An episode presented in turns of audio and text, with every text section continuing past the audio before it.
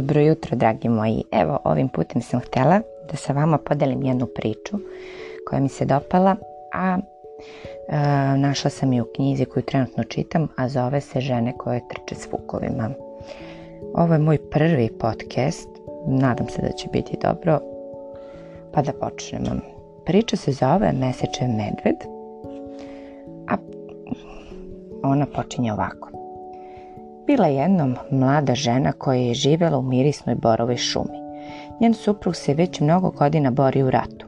Kad je konačno otpušten, dovukao se kući gadno raspoložen. Odbio je da uđe u kuću jer je navikao da spava na kamenju. Držao se po strani i prebivao u šumi i danju i noću. Njegova mlada žena je bila veoma uzbuđena kada je saznala da je se muž najzad vraća kući kuvala i kupovala, kupovala i kuvala i spremala jela, za jelo za jelom, činiju za činijom ukusnog belog tofua, tri vrste ribe, tri vrste algi i pirinač posu crvenim biberom, lepe hladne račiće, krupne i naranđaste.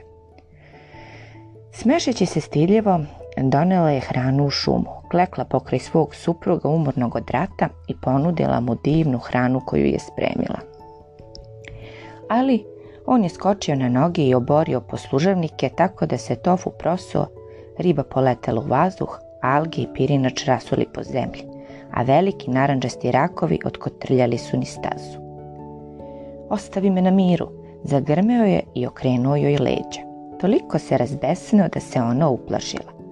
To se stalno ponavljalo dok najzad iz očajanja mlada žena nije otišla do pećine izvan sela u kojoj živi seliteljka. Moj muž je gadno povređen u ratu, reče žena. Stalno je besan i ništa ne jede. Želi da ostane na polju i neće više da živi sa mnom kao ranije. Možete li mi dati neki napitak koji će ga učiniti nežnim i punim ljubavi kao što je nekad bio? Isceliteljka ju je uveravala. Mogu, ali mi je potreban poseban sastojak. Nažalost, nestalo mi je dlaka mesečevog medveda. Zato se moraš popeti na planinu pronaći crnog medveda i doneti mi jednu dlaku iz njegove šare u obliku polumeseca na grlu. Tada ću moći da ti dam ono što ti je potrebno i život će ti ponovo biti dobar. Ovaj zadatak bi uplašio neke žene. Neke žene bi pomislile da nije moguće. Ali ne i ova žena jer je ona bila ona koja voli. O, veoma sam vam zahvalna, rekla je. Dobro je znati da se nešto može učiniti. Zato se spremila na put, krenula na planinu narednog jutra. Pevala je, što je način da se pozdravi planina i kaže hvala ti što mi dopuštaš da se penjem po tvom telu. Pela se do podnožja planine između kamenja veličine hleba. Popela se do šumovitog platoa. Drveće je imalo druga, drug, e, dugačke povijene grani i lišće koje liči na zvezde. Arigato za hiso, pevala je. Tako je zahvaljivala drveću što je podiglo svoju kosu kako bi ona prošla ispod. Pronašla je put kroz šumu i ponovo počela da se penje. Sada je bilo teže. Na planini je raslo trnovito cveće koje ju je kačilo za porup kimona i stene su joj sekle majušne šake. Čudne tamne ptice su ka njoj u sumrak letele i plašile je. Znala je da su to muan botoke, duhovi mrtvih koji nisu imali rođake i otpevala molitvu za njih. Biću vam rođaka, odvešću vas do večnog odmorišta. I dalje se pela jer je bila žena koja voli. Pela se dok nije ugledala sneg na vrhu planine. Ubrzo su joj stopala bila mokra i hladna, ali se i dalje pela sve više i više jer je bila žena koja voli. Počela je oluja i sneg joj je upadao u oči i duboko u uši. Zaslepljena i dalje se pela. Kad je sneg prestao, zapevala je Arigato za, za išo, kako bi zahvalila vetru što je prestao da je zaslepljuje. Sklonila se u plitku pećinu koju je jedva uspela da se uvuče. Mada je imala punu torbu hrane, nije jela, već se pokrila lišćem i zaspala. Ujutru nije bilo vetra, a sićušne zelene biljke su se tu i tamo pomaljale kroz sneg, Ah, pomislila je, treba da pronađe mesečevog medveda. Tražila je čitav dan i pred sumrak pronašla velike gomile izmeta. Nije morala više da traži jer je orijaški crni medved kloparao kroz sneg ostavljući za sobom duboke tragove šapa sa kanđama. Meseče medved je snažno riknuo i ušao u svoj brlog. Posegnula je u torbu za hranom koju je ponela i stavila je u činiju. Spustila je činu ispred brloga i pojurila nazad u svoje sklonište da se sakrije. Medved je namirisao hranu i skočio iz brloga, ričući tako glasno da se manje kamenje zatreslo. Kružio je oko hrane iz daljine, stalno iznova njušeći vazduh, a zatim pojao hranu u jednom zalogaju. Povukao se ponovo njuškajući vazduh i nestao u brlogu. Naredne večeri žena je uradila to isto. Ostavila hranu, ali se ovog puta nije vratila u sklonište, već se povukla samo na pola puta. Medved je namirisao hranu, izašao napolje, riknuo kao da će otresti zvezde s neba, kružio opresno, onjušio vazduh, ali je najzad pojao hranu i vrtio, vratio se u brlog. To se ponovilo još mnogo puta, dok jedne tamne noći žena nije skupila hrabrost da sačeka još bliže brlogu. Stavila je hranu u činiju ispred brloga i stala pokraj samog izlaza. Kad je medved osetio miris izašao napolje, ugledao je ne samo hranu, već i par sitnih ljudskih stopala. Okrenuo se i riknuo takno glasno da su ženine kosti zabrujale.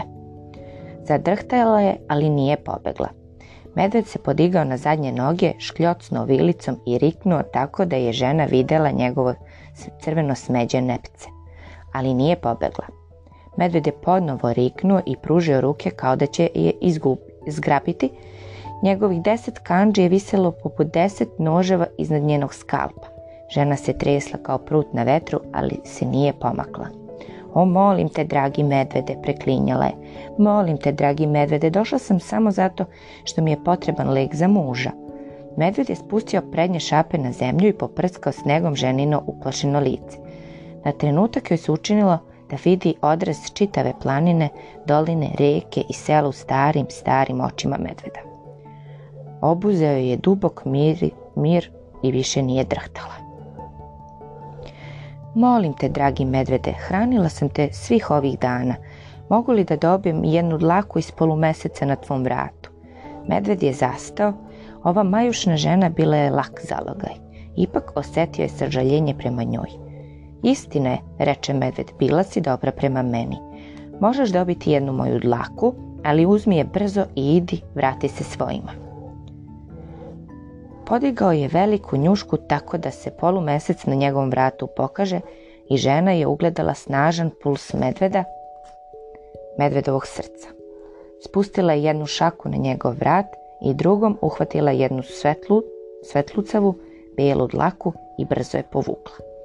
Medved se povukao unazad i kriknuo kao da je ranjen, a zatim se ta bol stišala u mrzovolju. O hvala ti, meseče medvede, veoma sam ti zahvalna. Žena se klanjala i klanjala, ali medved je zarežao i zakoračao napred. Režao je na ženu rečima koje nije razumela, ali su ipak to bile reči koje je znala čitavog života. Okrenula se i pobegla niz planinu što je brže mogla. Trčala je ispod drveća s lišćem u obliku zvezda – Sve vreme je uzvikivala arigato za hiso, kako bi zahvalila drveću što podiže grane da ona može da prođe. Teturala se preko kamenja koje podsjeća na velike vekne hleba i uzvikivala arigato za hiso, kako bi zahvalila planini što je dopušta se penje na njeno telo. Mada joj je odeća bila u ritama, kosa raščupana, lice mokro, trčala je niz kamene stepenice koje vode do sela – ni zemljani put i pravo kroz naselje do druge strane i kolibe gde je isceliteljka sedela kraj vatre. Gledajte, gledajte, imam je, pronašla sam je, uzela sam je, dlaku mesečevog medveda, uzviknula je mlada žena. Ah, dobro, odvratila isceliteljka s osmehom. Pažljivo je osmotrila ženu, uzela besprekorno belu dlaku i podigla je ka svetlu. Odmerila je dugačku dlaku rukom izmerila je prstom i uzviknula, ah da, to je prava dlaka mesečevog medveda. Zatim se iznenada okrenula i bacila ju u vatru gde je puckala, krckala i izgorela u blistavo naranđastom plamenu. Ne, vrisnula je žena, šta ste to uradili? Smiri se, dobro je, sve je dobro, odvratila isceliteljka. Sećaš li se svakog svog koraka dok si se pela na planinu? Sećaš li se svega što si preduzela da zadobiješ poverenje mesečevog medveda? Sećaš li se šta si videla, čula i šta si osetila? Da, odvratila je žena. Dobro se sećam. Stari isceliteljka joj je nežno osmehnula i rekla. Sada te, ćeri moja, molim da odeš kući i da sa novostečenim razumevanjem isto to uradiš sa svojim mužem. I to je Čiča Miča i gotova priča. Nadam se da vam se dopalo. Napišite me e, vaše utiske i o priči i da li vam se sviđa ovaj način e, obraćanja. Ćao!